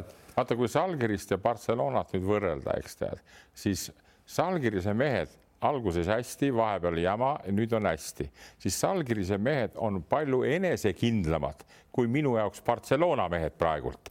Nad on nüüd leppinud selle treeneri, austerlase treeneriga ära ja mängivad sellise vabatul, vabalt, saad aru, kusjuures veel on see hing, see Leedu hing on ka, mis nendel teistel kõigil puudub, tead, Euroopa tippklubidel ja, ja see on nagu nüüd selle efekti teinud, eks, kusjuures ma veel kord toonitan, ei ole mitte midagi eriti talendikaid korvpallurid seal Salgirises, aga just see, et see eh, eelmise aasta Jassik Javitsuse alt äratulek on noh, tunnevad ja teavad asja kõik ja mängivad suure pühendumusega. no hea näide on see Laverne, kui ta oli Obradovitši juures seal Türgis, no ta midagi. ta ei saanud mängida ka eriti, teda ei usaldatud ka nüüd ta pani viimane mäng, pani kolmkümmend punni peaaegu tead nii, et nad on nii kõva siukse enda, no palju seal kaks, kaks võitu. no ma ikka Marius Grigonis on... pean praegu ikka Euroopas ikka üheks, üheks, üheks vägevamaks mängumeheks. aga, aga vaata, Lavernile on õpitud ka palle kätte panema, ei tea, ka hooaja alguses noh, tal tuli uus mees, uus pikk, niisugust pole olnud, eks ole, võib-olla noh, Davis läks sealt ära palju kehvemas olukorras. aga Imki ei ole ka võib-olla hea võrdlus ka, et see Imki punt, see oli ikka tegelikult päris õudne. aga, aga Bayerni mängu mäletate? juhtisid, juhtisid, eks ole, ja siis, kui kahel korral äh, võtsid mängu enda peale mitte Grigonis, vaid ühe korra oli Kjavitsus ja teine korra Volkap, mis juhtus, mõlemal korral kaotati palju, tuli kiire vastu ehk olekski ära kaotatud sellepärast, et viimastel minutitel mängiti vale mehe kätte või vale mees, valed mehed hakkasid tegema. aga Grigonis tassis välja nii Bayerni vastu, nii Alba vastu. ja ma tahtsin öelda, et oleks, oleks need kaks rünnakut, kus siis äh, Kjavitsus ette võttis selle läbimineku, läks meeste punti kaotas ära ja Volkapil löödi pall käest ära, oleks Grigonis sama asja teinud, siis poleks niisuguse pingelise lõpu peale läinud. aga kui nüüd Volkapi mängu lihtsalt vaadata viimaseid mänge pärast, täpselt pärast seda, kui äh, tuli tuli see uudis, et Barcelona justkui teda tahaks. mulle tundub, et ma ei ole veel vaadanud seda niimoodi päris luubiga seda statistikat, aga kuidagi jääb silma, et vennal on nagu kuidagi nagu natuke nagu pettunud, et, et ta, ta, ta absoluutselt ei ole, ei ole seda sinnapoole ka nagu ta mängis. ta oli ka valmis vahepeal ikkagi visa, nii-öelda tassima ja tegema ja nii edasi. enam ta ju ei tee vähemalt need kolm-neli mängu, mis praegu Salgris on võitnud, on Volkov selgelt kõige kõige nõrgem lüli olnud seal. nojah, eks tal on minu arust oma rolli on ta ikka ära mänginud, ega ta seal mingit ju nii-öelda paska pole ka kokku keeranud. rollimängija rohkem, ma ei ole ka tast eriliselt. ta on võtnud ka siis enda peale, kui on, on noh, olukorrad tulnud ja ega ta pole nagu vägisi ju noh, nagu Grigonise moodi või niimoodi hakanud äh, seal noh, üks-üks ette võtma kogu aeg, et noh, ta, ta, ta, ta kasutab ära need olukorrad, kui mäng. no see on jälle, vaata, see näitab jälle, kui see Jasik Javitsus tahtis seda endale, noh, no nii nagu nüüd Vestermanni sai, mitte mingilisi erilisi eeldusi ega võimeid ei ole, no nagu sa räägid Grigonis, noh, see on absoluutselt hoopis teine, teine mast ja teine tase, eks tead. kuidas ta muidugi jälle kuskil muus, muus klubis läbi lööb, eks okei okay,, Ulanovasel on nagu Venerbases nagu treeneri sümpaatia taga, eks kogu aeg alustab, tead, noh, teeb, mida ta teeb, seal ei saa tühjagi aru, eks tead, mis ta teeb, aga ta teeb kogu aeg. kolme-nelja esimese minutiga paks kolm-kolmest ära, lähed sisse, on hästi, ei lähe. ja, ja, ja siis rohkem ei aga ole. aga noh, Brandon Davis, mis, missugusena tuli, eks ole, ka Žalgirisse, no mitte, mingi, mitte mingisugune mäng, absoluutselt, kõik vaatasid, mis asja, ei saa palle kätte, pudenevad kõik ja vaata, mis vend nüüd on, eks ole, kahe-kolme aastaga. ja nii on, Barcelona mängib siis eh, topeltvoor see nädal, eh, mängitakse juba tänasest siis kuni reedeni, Barcelona mängib Himkiga võõrsil ehk Himki saab taas endale eh, valusa satsi külla. no Himkist ma ei tea, kas me tahame nagu rääkida või ei taha, aga, aga see on ikkagi nagu päris paha ikkagi, see on paha. see on paha jah et kahjuks küll, et ma hooaja alguses vaadates seda koosseisu ja ootasin küll, et nad on vähemalt, vähemalt kaheksa hulgas ja sealt vaata, et noh, mine tea, õnnestub võib-olla ülessegi saada, aga aga noh, tuleb midagi pole tunnistada, sõber, sõber Rimas mul ei, ei ole, ei saa hakkama sellega, seal, seal on nii suured puudused ikkagi. noh, Šved ei mängi kaitses, see on selge, aga ega seal ei ole ka väga selgeid süsteeme, noh, või siis nad ei suuda mängida, noh. Bertats on seal täitsa ära kadunud, kes ka tegelikult on ju ka kõva mängumees, et noh. Timmad ei ole enam. Timma on, ütleme nii, et mina ütlen küll, et sellest on küll kahju, et Jaanis Timmale ikkagi nii suurt raha maksma hakati ja nüüd läks, nüüd läks ikka pahasti, selle mehega mulle tundub, et on pahasti, et, et seal korvpallimängust enam vast välja midagi ei tule. loodame, et tuleb, aga, aga kahtlane on äh,. uusi peatreenereid oleme näinud ka Euroliigas ehk et äh, Desan Radonitš on tagasi, Rena Zvesta eesotsas, Sasso Obradovič löödi sealt minema. Radonitšile tuttav koht tulemiseks. Äh, noh, juba oli kirjas, et muutis meeskonna mentaliteeti noh, Fenerbahce'le kaotasid viimase sekundi, ütleme viimase null koma ühe sekundiga, päris äge vise oli see. et aga, ja seal oli ju ka, et põhimõtteliselt ikkagi nagu ei tehta ju niimoodi, see on ehe näide, et ära mine sealt kuus sekki ennem lõppu viskama, kui, kui, kui kindel ei ole, eks. kohe-kohe karistati ära. absoluutselt. sealt kaotati, aga Panathinaikos vahetas siis ka peatreeneri, vaatame korra seda Euroliiga tabelit tegelikult üldse, miks, miks vahetatud on, et vaatame, kus kohas on täna Panathinaikos. Panathinaikos on viie võidu kaheteistkümne kaotusega kuueteistkümnendal kohal ehk et Panathinaikose jaoks hakkab, tundub ikkagi ka see euro äh, play-off'i koht minema nüüd on juba jah, ega sealt on ikka raske tulla, sest ega ju mängitakse risti-rästi neid ja kõik saavad võite juurde ja sa pead ikka hakkama kõiki järjest võitma, et sealt juba kaheksa hulka jõuda. ehk pigem Fenerbahce on see, kes nüüd sealt vahepeal oli Fenerbahce seal seitsmeteistkümnest kuueteistkümneseks vaikselt tõuseb. okei okay,, Bayern on natuke ära tulnud, Žalgiris on tõusnud, Peterburi seniit paneb päris stabiilselt. Eh, siin ei ole nagu küsimust, aga Panathinaikos vahetas siis ka peatreenerit ja, ja Vovoros lahkus äh, Odetta Tass tuli tema asemele, võtame selle Vovorose kõigepealt, et äh, abitreener Panathinaikoses ja minu arust ehe näide, kui sa saad peatreeneriks, et äh, kõik ei sobi sellesse ametisse no see oli minu arust juba kevadel või seal sügisel, kui nad mängisid seda Leedus seda kontrollturniiri, mäletad no? me arutasime siis juba, et kus oli ma, ma, pintsak ja värgid ja, ja kõik. ma olen nagu seda öelnud, vaata Panathinaikoses on ju proovitud, Rick Pitinogi käis eelmine aasta ja, ja vaata, kuna seal on jälle, jälle ma toonitan seda, et see, see, see kombo peab nagu koos töötama, see meeskonna mänedžer ja omanik ja treener kõik noh, et, et no hea näide on meil Tallinna Kalevis, eks tead, nii nagu on, eks tead, noh, et et Panathinaikoses on ka niivõrd äh, ere täht on see omanik, vaata, kui ta küll ta lööb uksi kinni ja keelab hümnid ära ja värgid. laseb meestel bussiga koju sõita. seal on nagu täitsa segamini nii, kas seda saabki öelda, et see Vooras paha treener võis olla, ta lihtsalt sattus sinna äh, hammasrataste vahel, mis pöörab täiega, mõistad sa, kui sinna tooks, ma ei tea, kelle treeneriks, no võib-olla Greg Popovitši, siis see ka üle kuu aja ei, ei, seda ei jaksaks tead, noh. nii et see meeskond on praegult selline, noh, et, et mis sa teed, noh no vaata, Vovoros oli minu jaoks täpselt selline, et ta võib olla ükskõik kui hea korvpallispetsialist, aga aga noh, selline sellele vennale ei teki minu arust meeskonna ees riietusruumis autoriteeti. no ei, tõenäoliselt no, küll, aga noh, sellise, sellise satsi ees kindlasti mitte, aga ja võtame ka seda muidugi, et kui me vaatame, kes on nendel mängujuht, noh. seal ei juhi ju mängu, noh. ma panen ise ja see ongi kogu ja siis ei saagi meeskond mängida, noh ei ole võimalik, kui üks vend noh, uhab ainult ise peale, noh. no vaata, see oleneb. ainult otsib, mis ainult kogu aeg ainult otsib oma mängu, aga ei otsi meeskonna mängu üldse. kes teda sinna valib, kas mänedžer või generaalmänedžer no, või treener, eks tead nii. kas sa võtad selle, Kalevis on see serblane, kes tuleb, kes ta kutsub siis sinna, tead, mõistad? no kas ma, mina ei tea seda maailma, kas, kas te tahate öelda, et Panathinaikoses Vovorosel ei ole ühtegi sõnaõigust, keda meeskonda võtan või no,? ma ei tea, ei, ma ei oska öelda. võib-olla tal see pluss üldse on, et ta antakse peatreeneri koht talle ei no meil on mõte, seda mõtet on nagu arutatud, me ei tea seda, me noh, sinnamaale ei saa, aga selles mõttes küll, kui sa Kalevist ütlesid, et eile Žalgirist eile ütlesid, aga Kalev, kaks Grammol Kalevil ei ole Hörtülli vaja või? et vaja oleks kindlasti, aga võtke üks-null lõpust ära, võib-olla, et siis hakkab nagu mõtlema hakkama. okei okay,, aga siis nüüd tuleb Odett Kadaš, kes siis seda meest ei tea, mina ütlen, ma olen seda meest mängimas näinud ja julgen öelda, et minu sellise noore inimese kõige ägedam korvpallielamus tekkis sellest mehest, kui ta käis Kalevi spordihoolis mängimas kunagi, Martin Müürsepp mängis siis, ma ei mäleta, kas see U kaheksateist, mis asi see oli? Kaljuveed ja Keskkülad ja Müürsepad, Müürsepad ja kõik mängisid Eesti koondis, Iisraeli koondise vastu, Kadas tuli, Odett tuli ja virutas meile nelikümmend kolm või nelikümmend neli punkti. Ma ütlen, et see oli plastilisem vend veel kui Luka Dontšits no.. ja see on nüüd siis kus kohal? ta on nüüd Panathinaikose peatreener.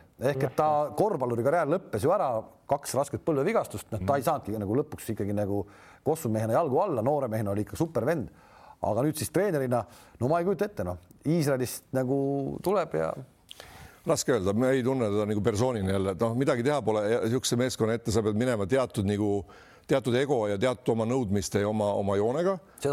pead tunnetama seda piiri, et sellest üle ei lähe, noh, mida on Andres korduvalt maininud. Ja, ja siis, siis näeme, mis tuleb, noh, lähed ja teed selgeks. Ja, ja, ja midagi teha pole, ka nendele mängijatele tuleb teha selgeks, miks minu arvates kui treeneri arvates mm -hmm. see asi on hea sellepärast, et vot sina saad sealt viskida, sina saad sinna palli, sealt sa paned ära, sa teed, noh, sa pead enne selgeks tegema, midagi teha pole. noh mm -hmm., rääkimata Tartus, seal tuleks ka selgeks teha, aga noh, isegi seal Panathinaikos tuleb minna CSKA-s ka tehakse asjad selgeks, et miks me teeme seda liikumist no samamoodi noh, tegelikult Panathinaikose sugune satsile, no see on ikkagi nagu häbiasi, et, et sa oled kuueteistkümnes, sa oled ikkagi Euroopa tipp. rida aastaid võtame Obradovitšiga, mis ta on olnud, eks, on kogu aeg esimene olnud ja, ja, ja nagu sa ütled, kõvemal tasemel nagu need kuusteist klubi on kõik seal Euroliigas ka, ma räägin, see, see kompott peab töötama ühtselt, tead, ja kui seal kuskil on mingisugused kõvad viltu laskmised, eks tead, nagu me siin Tartust arutasime ja, ja, ja, ja mõnest muustki Eesti klubist veel nii edasi, et, et, et siis see asi ei tööta, noh et mängijad on ka, need on nii raske iseloomuga, eriti veel tipptasemel,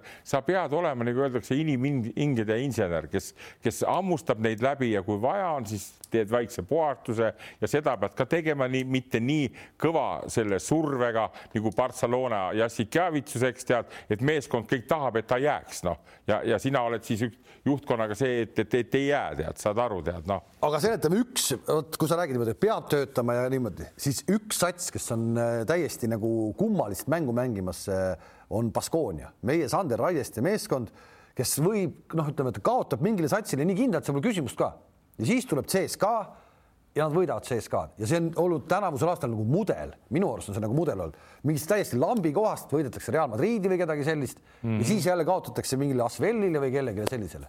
et kuidas see nagu, kuidas see nagu nii nagu Ameerika mäed selles satsis olla saavad? Noh, ju seal ikka osad mängijad stabiilsuse taha jääb asi, noh ja ega ma arvan, et seal nagu tegelikult on ju iga koha peal on olemas, on sul pikki korvi alla panna, eks ole, kui vaja on. noh hästi palju sõltub jällegi seal ka ju tagamängijatest tegelikult ikkagi nendest. ma, ma võib-olla siin lisaks seda juurde jälle puhtalt nagu treeneri kogemuste põhjal, et vaata, meeskondadega on ka niimoodi, tead, kui sa teatud aja oled, oled tappa saanud, eks, siis teatud hetkel sul tekib juba ilma treeneri push imata tekib niisugune noh, jube, nüüd on nüüd, kui nüüd on vaja nagu see allkiri või see noh, Basko või see Barcelona kolm kaotust ja nüüd Valenciale pandi ära. CSKA-l enne Baskonia mängu oli vist üksteist võitu all.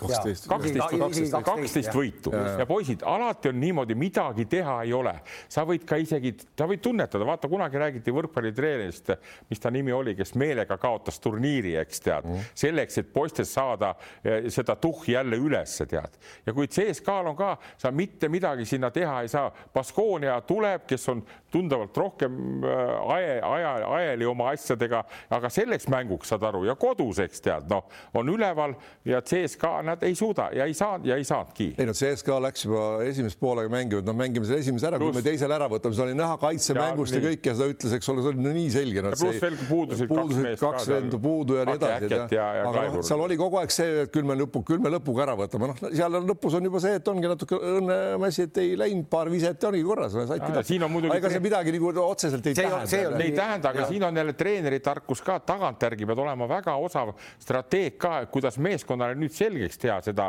ebaõnnestumist, mis tol hetkel oli. osad hakkavad röökima, karjuma, et kuidas me ikka, me ei tohi, eks meil on kaksteist võitu all, aga lihtsalt rahulikult selgitad jälle ära selle olukorra ja, ja üritad järgmiseks tähtsaks mänguks olla nüüd valmis. Need kaotused on head vahest, aga tegelikult, mis, ma ei oska öelda, mida nagu mõtles siis äh, Nituudis, eks ole, selles mängus, aga ta lasi ka seal minna, ta lasi esimene poolek rahulikult minna, seal oleks pidanud palju varem võtma niisuguse ala Obradovitši tüüpi time-out'i sõimama ikka näod täis ja. korraks tõstma häält ja sellest oleks piisanud ja vennad oleks võtnud ju jalad tagumikust välja. sama, mida ma siin mõned nädalad tagasi ütlesin ka, et mulle tundus, et Jassikevitš näiteks Villerbanni vastu lasi minna, las läheb, las olla, las olla. ei, see on, see on õpetlik ja see on õpetlik ja ta näitabki mängijatele ära, näete, et kui ma ei tee, eks ole, siis halloo, noh. see on, vaata, seal on, seal on tasemel juba Ituudis laseb nii minna ka mingil määral, eks noh, no ega nad kaotada ei taha. ei, Tuudis ei lastud kindlasti meelega, ta ei ole niisugune tüüp, aga ta arvas kogu aeg samamoodi, et küll me võtame, küll me võtame, nendest saame jagu. aga see ei olnud nagu teadmatusest, kui näiteks võtta ta TalTechi, eks tead, kes tegelikult seal on juba Killingul teadmatusest on ju tead, oleks peaaegu näppu lõigatud viimane mäng Tartule, eks tead, juhtisid nii ränge, räigelt juhtisid ja lõpuks see, see ütleme, see kööbakas Tartu jõudis nii kaugele, et, et noh, käed värisesid, ma vaatasin, Sokk Tanel oli time-out'i all, see ka juba värises, noh, saad aru, et see mäng tuleb lõpuni ära mängida, ära võita aga see on ju nüüd noore treeneri teadmatusest, saad aru, sa mõtled, et sul need eh, mehed, kes sinna sisse lähevad, kes on niisugune tugev esiliiga, tummine esiliiga tase, eks tead, aga need äkki löövad täitsa endast välja, tead noh, ja siis väga huvitav. sul peaks oma kogemustest olema aastatagused see, kui te mängisite ka, ka TalTechiga või TTÜ-ga siis eh, play-off'e, kui Kuusmaa oli treener kui ta mit-, vist kolm-kaks lõpuks võitsite Nii. selle seeria ja seal oli, mina ütlen, et ma mäletan väga hästi neid mänge, Aivar vahetas ka nagu noh, et vahel ma nüüd lasen ja juhtis ta ju mingi kahekümne ka vist paaris mänguski teie vastu ja, lõpuks ja, ja, ja täpselt tüüpiline sama asi, et noh, nagu noh, treenerid täiesti tema oma nagu pirukatega. vaata, vaata kui vahva. tähelepanek. jah, kui, kus. ei, see on, ei, see ongi nii ja too oli ka, too oli ka siis, Kuusmaa oli too aeg nagu killing vähe, saad aru, ta oli nii enesekindel. seda tähtsa, sinna ma tahtsingi jõuda et täpselt seesama viga tehti nagu. aga sul oli hea, sul polnud kedagi väga vahetada, sul oli viiskümmend kuus meest. no mul oligi jah, täpselt nii ja, ja. ei, see oli, see oli vägev seeria, see oli hästi vägev seeria ja, ja just see, et, et nagu minu arust kas kahes või kolmes mängus nad juhtisid jube kindlalt kahekümnega juba teisel poolel ja, ja see noh no vahetasin, paneme vahepeal kruusi sisse ja me saame nüüd mäng, annan poistele mänguaega.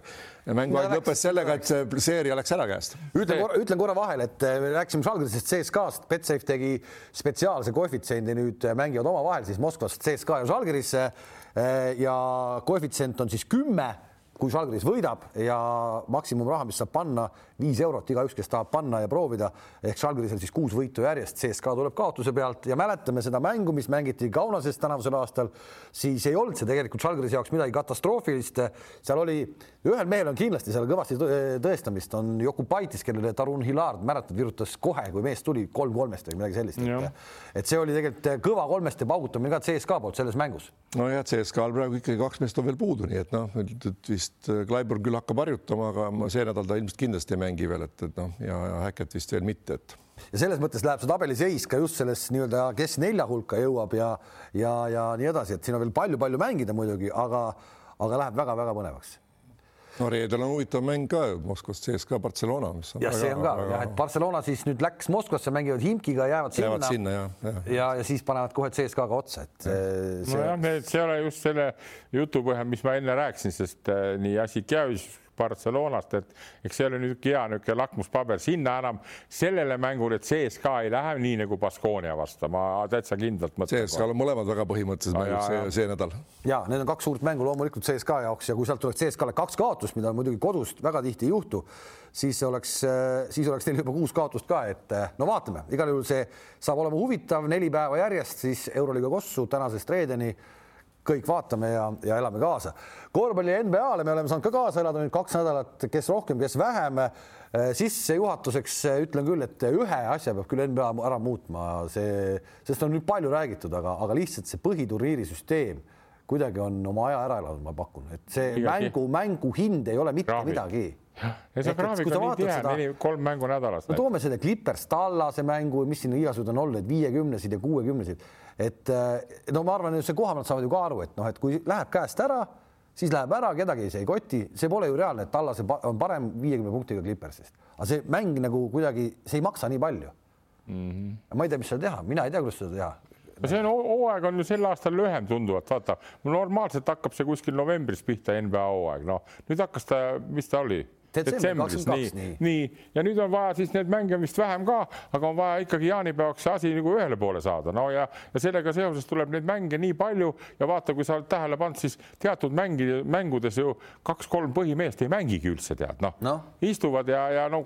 on see õige või vale, ei oska öelda, aga lihtsalt nad, nemadki saavad aru, sellega sa ei saa inimest ju ära tappa tead noh ei, sa ei saagi ja selles mõttes mõtlegi, et noh, et kuidagi vaja midagi seal nagu, nagu et see, et selle ühe mängu hind oleks nagu kallim, et sul on ikka iga mäng käib ikkagi nagu. tuleks näha mingit süsteemi muuta. jah, kuidagi muuta, aga iganes. kuidas seda teha, vot ei ole sellega nii kursis. tegelikult natuke hüpates ümber, kui sa nendest süsteemidest räägid, siis tuleb just meelde, et noh, näiteks tuhat üheksasada kaheksakümmend kaks MM-il, noh, mis meil õnnestus nagu võita oli, minu arust oli väga õiglane ja hea süsteem. sest te võitsite? ei, mitte sellepärast, vaid sellepärast, et olid alagrupid, sealt said kaks tükki edasi, võit tuli kaasa ja siis tuli, siis tuli kaheksane nii-öelda poolfinaalgrupp, kus kõik mängisid kõikidega läbi mm. -hmm. ehk seal ei olnud seda ja, ja, siis oli nii, et, et siis kogu see õigse, õiglase süsteemi järgi saavutad esimene, teine koht. sa, oota, siis mängisid seitse mängu veel vahegrupis või? ja seitse mängu vahegrupis ja siis esimene, teine ehk siis äh, meie USA-ga mängisime äh, kulla peale ja siis oli ainult ühest mängust ja siis oli nagu pronksi mäng ja nii edasi. ehk seal nagu ei olnud seda, et sa kuskil veerandfinaalis noh, ühe korra koperdad, eks ole, jäädki kaheksandaks, kuigi võid tegelikult ära võita, et see palju õiglasem süsteem on see, et okei okay, aga..., play-off'id on huvitavad jälle, intrigeerivad, aga. Play-off seer on ikka huvitav. Kale, Kale muidugi väga ilusti hakkas seda süsteemi arutama, aga, aga noh, iga kord, kui ma, ma nüüd kõiki mänge ka otsast lõpuni ei vaata, aga iga kord, kui mingi mäng on, ma midagi olen sealt juba endale ära nagu äh, tirinud näppude vahele, mida ma ootama hakkan. no teate seda, et kampaatsa pani neliteist punni, tead, noh no, väga vinge, hakkab minema. Schröder, kuidas ta seal nende Lebron Jamesi ja nende vahel toimetab, eks tead. Schröderi minek Lakersisse, ma pakun, et on ikkagi üks äh, kihvtimaid liigutusi, et see sats läks selgelt tugevamaks. no vot ja, ja, ja seal on neid teisigi, seal on niivõrd palju, veel kord ma tahan, mis mina nagu nendest mängudest, no seal on tore ju vaadata, kuidas nad neid sedasama pick and roll'i teevad või see, kuidas see pall lendab üles, pannakse ülevalt alla no.. no ja, ja siis, kui sa lähed sujuvalt üle, eks Rapla ja teed Tallinna Tehnikaülikooli juurde, seal sa ei näe seda, eks ju tead, noh, seal sa hakkad midagi muud jälgima ja ootama, aga just need kiirused, eks tead ja kuidas neid viskeid võetakse, on nad siis pahad või head või jälle nii edasi ja juba selguvad ka nagu need tugevamad nii-öelda võistkonnad, eks tead, või jälgida näiteks noh, kes on minu meelest täitsa supermees, on praegult see mis selle Serbia pika nimi on, see Jokic tead mm, -hmm. no kuidas ta söödab, no kuidas ta viskab, kuidas, see on täiesti, no võib-olla ma vaatan nagu treeneri seisukoha pealt, ma saan sealt nagu vaadata, kui, kui need söödud käivad naks ja naks, nii et no,. vaata nagu Kalev ilus hästi küsis, eks ma NBA-d vaatasin, natuke vaatasin, aga mul on, mul panin agendi tööle, mul no vanem poiss Antoni on, eks tema nagu vaatab, ma saan sealt ka nagu infot juurde ja tervitused St Antonisse muidugi, et aga, aga ei, mis, mis nagu on, et noh, olen analüüsinud täpselt sama asju, need Antetokompud ja Jokicid, kes mängivad eurooplastest nagu seal. Tulles EM-ile, EM-ile, eks ole, kaob ära neil see nagu see noh. no oleme ausad, Jokic, Jokicit ikkagi see Serbia peatreener küll kasutada ei osanud MM-il, sellega, sellega oleme ja, ikkagi oleme ühte, ühte. ja, ja aga no ega ta ise ka ta seal ise, aga kuhu ma tahan, tahtsin nagu jõuda selle jutuga, et ega nüüd see, et ma ei ole mingi NBA nagu vastane või vaenlane, ma väga hindan mängijaid, kes tulistavad seal kaheksast viis kolmeseid ja, ja on hea stardiga, väga hea pallikäsitlusega eesotsas Dontšitšiga, eks ole, loomulikult need löövadki seal läbi aga seal ongi, kui su pall on sinu käes, sa lähed läbi, kui kaitsed nagu noh, ütleme, mängitakse ala viiekümne, kuuekümne protsendiga ja keegi vastu ka ei tule, sulle noh, vahest tullakse kulpi panema. et äh, see ongi, ongi nagu vaatemäng ja selles mõttes kõige rohkem, ma arvan, NBA kaotab sellest, et seal saalis ei ole seda publikut ja mängijad ka, et seal see motivatsioon, kui noh, euroliigas võib-olla mängijad rohkem keskenduvad ikkagi noh, nagu selle tugevale tööle algusest lõpuni, seal on noh, see on ja, ja müts maha nendest, et no, üks, aga see on, see on meeletu töövili, eks ole, palju nad need treenivad, need treeningutes, need kolmesed, eks ole, kes on viskaja ja pannakse ka seal üheksa meetri pealt nagu noh, kuuest viis ja, ja nii edasi, et see on, see on nagu no kindlasti viimaste aastate üks ägedamaid mängijaid minu arust, kes on nagu nii positiivne kuju ka, Steph Curry, eks, et äh, absoluutselt nägid, nägid, kuuskümmend kaks ja, aga nägid seda treeningut, videot, kus vana pani trennis, pani sada kolm või sada viis kolmest. no ma, ma jälgin, vaat seda. ja siis pärast seda tuleb, paneb kuuskümmend kaks. ja, aga kuuskümmend, Kalev, kuuskümmend kaks punkti ja selle juures on okei okay,, see on nagu tore ja see on ta rekord ja väga hea, aga protsent viiskümmend kaheksa koma üks ja meeskond võitis, eks ole, kaks palju olulisemat asja veel. siis kui on mõni muu staar paneb seal kaheksast üks kolmes, eks ole, lõpuks ka viskab küll kakskümmend kuus punni, eks ole, Leonard, eks ole, aga, aga noh, meeskond ka küll võitis, aga noh, viiskümmend protsenti. ma olen nagu jälginud seda, ma olen teile ka rääkinud seda, vaata mul lapselaps Ameerikas meeter kaheksakümmend viis on pikk juba Isabella, väga andekas tüdruk, ma arvan, et on tuleviku NBA naiste, naiste, nii. nii.. ja nüüd ma jälgin talle ja otsin ka vahel neid mängijaid, millisena, mida ta peaks jälgima, kusjuures ma sain teada, et ta juba jälgib, vaata. Miami Heatis on kaks niisugust väga kihvti valget kutti on nagu see Hero ja Duncan Robinson, eks tead. ja mida nad siis teevad, kuidas nad viskele pääsevad ja see, kui palli saab, et mis siis kõige tähtsam on, just seesama, et pete ühele poole ja teravalt, kas siis üks põrgatus ja hüppevise või terav läbiminek, eks tead. ja vaata, need on asjad, mida peab lihvima jube teravaks, tead noh. jube kiireks. jube kiireks, tead. sa pead trennis tegema, sa pead niisuguse miljöö ja kujutad ette, kui meil Eesti kutid ka sellisesse miljöösse nüüd panna, eks, kui sa ei tee neid jälle vanu oma trillharjutusi, eks, köka, köka, möka, möka, eks tead, noh. no Kerr on, Kerr on selles koolis praegu ütleme kõige-kõige kõrgemal tasemel Nii. ja Kriisat ma ootan küll seda tegelikult, et mismoodi ta nüüd mängima mängima hakkab, kui veebruarikuu kätte jõuab, et ta ju saab mängida, eks, et mm -hmm. et on seal siis nagu midagi muutunud ka või mitte, tal oli see kõik ju põhimõtteliselt nii-öelda Euroopa mõistes oli tal ju oma vanuse kohta kõik see olemas, millest sa praegu rääkisid mm. -hmm. nojah, aga neid vaata, see just see ongi see, mis, mis tänapäeval meil võib-olla niivõrd palju puudub ja, ja, ja treenerid, ma ei kujuta ette nüüd ei ole ju ka kursis meie noorte treeneritega, aga,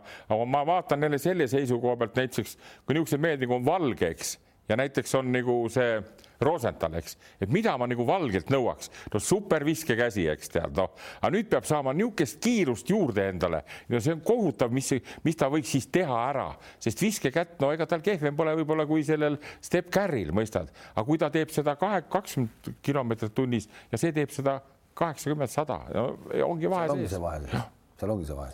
ei no ongi ja ega noh, jällegi siin vahepeal ütlesid ka, et kolm mängu nädalas, see pole ju mingi koormus, eks ole, kõigil on enne hooaega teada, noh ja NBA-s on võib-olla neid mänge, ma olen kogu aeg arvanud, neid on natuke liiga palju seal. palju, vaata sõidud no, ka. palju ja reisimine ja kõik seda, seda on, seda on palju, see on nagu kuidagi nagu noh. ja sellepärast, sellepärast sul ongi, kui sul on ühtlane võistkond, saadki anda nagu puhkust, aga no ma ütlen, meie siin tingimustes, et noh, et, et noh, mäletan, sina mäletad ka, kui mängiti kuus mängu nädalas, eks ole, polnud mingit probleemi ja mängiti üle kolmekümne minuti ja see on täiesti ja veel kord ütlen täiesti jama jutt, et me noh, punkte visati Andres sama palju, kui praegu visatakse. mänguaeg on ju ka sama et kus see intensiivsus, okei okay,, kaitsemängus on natuke kuskil midagi loomulikult muutub, aga see ettevalmistus on ju puhas selle pealt, et kui sa pead, jaksad, noh, Kalevis me mängisime, mängisin kolmkümmend minti, ma arvan, iga mäng ja mängu nädalas ja, ja pidid ka kaitses võtma Belovi, Valterist, eks ole, kõiki mm. ja, ja pead hakkama saama sellega, muidugi olid väsinud, loomulikult oled väsinud, aga sa jaksasid mängida ja okei okay,, aga lihtsalt ma ütlen, see mängu hind täna seal ei ole nii kallis, et ei ole muidugi, on... läheb minema käest, siis lähebki, läheb laadaks ja. ära ja, ja sellest on lihtsalt kahju. nojah, aga siis mängitaksegi selle ilusa selle peale. Vaata just, just nimelt selle ilusa selle peale, kuna Show sina, Kalev, oled selle võidumees, tead, noh, sul on see võit tähtis, nii kui sa oled meil Salgirise veendunud sõber ja, ja siis, kui Salgiris kaotab, siis on täielik maamust, treenerid ja värgid, aga NBA-s polegi aega, juba ülehomme pead juba ketsid jalga panna kuivad püksid ei, jalga ja läheb. ei, sa spordi mõttes sa tahad ikkagi vaadata nagu etendust, et noh, et siis ta nagu. see ongi etendus, mis seal on, see ongi niisugune etendus. aga kui sul on viiskümmend punkti vahe, siis see ei ole etendus, noh ega siis ma, mul, mulle meeldib ka vaadata, kuidas Luka Dontšits viiskümmend punkti on vahe ja viskab kolmesid sisse ja nii edasi. kuigi üks fakt on, et Dontšitsi kolmesed tänavusel aastal on, on kõvasti kehvemad kui eelmine aasta.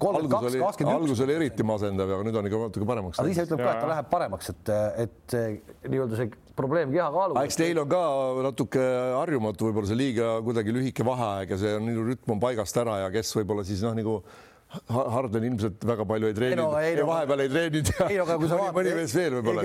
see väga huvitav oli näha minu arust, kui nad tulid, et, et milline nägi Jokic välja, kes ennem võib-olla natukene oli, oli nagu ülekaalus ja siis tuli Dontšits järsku, hops, mis see siis see nüüd on nagu, eks, aga noh, Dontšits ütles, et kõik saab korda, peaasi, et noh, sellise asja pealt mingit vigastust ei tule, tule. See, see on ju kibe tulema. ja no ma olen seda Dontšitsi värki, vaat kui Hardenist me siin puudutasime, aga Dontšitsis ma olen jälginud, kõik räägivad ikka super andekas või nii, aga, aga see, et ta tuli oma raske raskema kaaluga, eks tuli, aga see, mis tal on ja mida teistel jälle NBA kuttidel ei ole, see rütmivahetus ja tunnetus, see on jälle, mida ei saa õpetada ja see on tal ikkagi super no.. vaata, kuidas ta on mängu vist... muutnud selle tõttu, praegu ta ju võtab selle palli ja. alla nii-öelda pukki ja, ja, ja vabavisked ikka tulevad. aga kui sinna kõrvale tal ei tule kedagi, no nüüd läks Step Curry vend minema sealt, eks, ja sealt tuli üks Richardson ja seal on see Hadaway, kelle isaga Müürsepp mängis NBA-s koos, nii. kui tal kedagi juurde ei tule, ma ei usu, et Borsingis on nii kõva, et suudab aidata, siis nad ei pääse play-off'igi, sest see tase on nii kõva, mõistad sa. aga tema sooritusi ikka, ma olen nüüd Tallase fänn ka natuke, tema soorituste pärast ma jälle juba vaatan, kuidas ta. ja mina, aga mina arvan, et Borsingise tulek ikkagi, kui nüüd tuleb lõpuks Borsingis. ei, küll ta mõjub seal, kõvasti aitab, aga võtame seda, et, et võta seesama Dončits, eks ole, nüüd võtame nüüd Reali nii-öelda nina ja kõik, eks ole, mis, kui vanalt see poiss üles leidi, kui vanalt talle anti Realis luba teha väljakul juba enam-vähem kõike, et mine ja tee Real on ju ka õige klubi, kes läheb võitma, no okei okay,, ta ei tegigi, aga noh, see nina, eks ole, õige mängija üles, oleks ta nüüd võib-olla läinud kuhugi, ma ei tea, Villerbaani või kuhugi mujale sinna Itaalia klubisse, eks ole, siis noh, mine tea, et, et seal ja talle anti. seda võib ikkagi..., kas seda võib ka õnnega Heinz kokku? on, aga on õnn, õnn, et ta sattus Reali. ja absoluut, aga see, et see, ma tahan just öelda, et tema sattus, vaid teda võeti, et teda märgati õigelt mm, -hmm. kuidas Realil ja niisugusel klubidel see töö käib, see scouting, eks ole, kus otsitakse neid talente, kelle eest võib tulla, me kasvatame tast välja seal ma peangi ütlema seda, vaata ka veel kord, et, et, et nagu sa ütlesid, kui oleks Villerbanni, me ei tea, mis oleks tulnud, eks. ja, ja ma ei taha ära sõnada, aga ma ütlen seesama, kui trell satub teatud kohta, eks tead, okei okay,, jätame ära need, et ta tahab minna NBA-le nii, aga kui ta satub niisugusesse kohta ja tekib hea värk, eks ta on andekas, ta on talendikas, siis see lähebki, aga paljud ei satu ka sinna, mõistad. me ei räägi kunagi nendest, kes, kes on superandekad, aga pole sattunud niisugusesse klubisse ega sellise treeneri juurde no,. me oleme Eestis ka aastate-kümnete jooksul maha ma, ma, ma matnud küll väga andekaid mängijaid küll ja küll, aga ma tahan seda öelda, et ka, ka sellel klubil, kus sa pead olema see süsteem ja võimalus, et sa saad individuaalselt tööd teha seal saalis, et sulle antakse mm. pool saali või korv kuhugi ja individuaaltreener, kes sulle palle tagasi viskab, ega muud moodi Tontsis siis ega nüüd palli andekuse peal ja meeskonnatreeningutega tast ei oleks saanud seda, kes ta on täna. igal juhul, aga see peab olema kaasas see, see superandekas nagu inimene, kes seda soosib nagu, nagu võtame siin eh, Campaccio, kes tuli järelikult see Reali süsteem on õige, meie Veesaar, kes on, hoiame pöialt, et siis tuleks uus supertäht, eks. võtame seesama Gerd Kullamäe poeg Kristjan, kellel ka selle Pablo Laaso eh, vana isa on nüüd ütleme ka mingi mentor, kes on seal klubis, eks ja, ja aitab nüüd eh, Kristjanil nagu saada sellele õigele teele.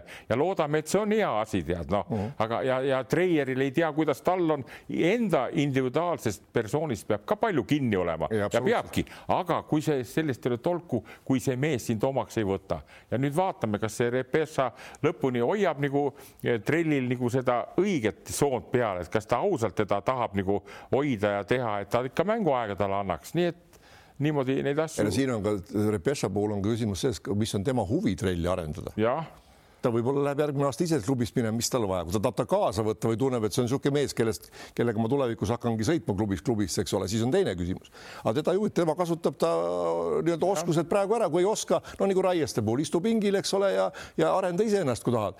Aga, aga kui sa noh, kui ma olen seal vii, kui mul on viieaastane leping, noh nagu Pablo Lassol on, eks ole, tal on ju eluaegne leping seal Realis, eks ole, ja ta, ta teebki, ta teeb klubi heaks, noh, ehitab seda kogu aeg, eks ole, noh, et nüüd tuli muidugi noh, tagasilöögid neil seal nende vigastuste näol kõvasti, et noh. aga see käib selle juurde. ei, muidugi käib ja, ja. tagasi või millal nad võitsid viimati no,, hooaja keskel nad olid ju põhimõtteliselt ju juba kõik kaotanud ja siis. ja aga no Reali mäng on läbi aegade olnud ikkagi selline, kuidas mina ütlen, kõikuv, et, et kui nad, kui nad saavad oma sõiduvette, saavad need uhada neid kolmes inimesed panevad need sisse, saavad jooksma, on neil reaalne ja saavad kümne-viieteistkümnega olla ees tükk aega. nii kui läheb punkt punkti mänguks, siis suurem osa läbi ajaloo on Real kõik kaotanud. no täna on veel oht, et nad kaotavad Tavaresi ka veel ära, et kui see ka veel läheb, siis tegelikult noh, ühest küljest näitab nagu head tööd meeskonna poolt, aga jookseb tühjaks ära.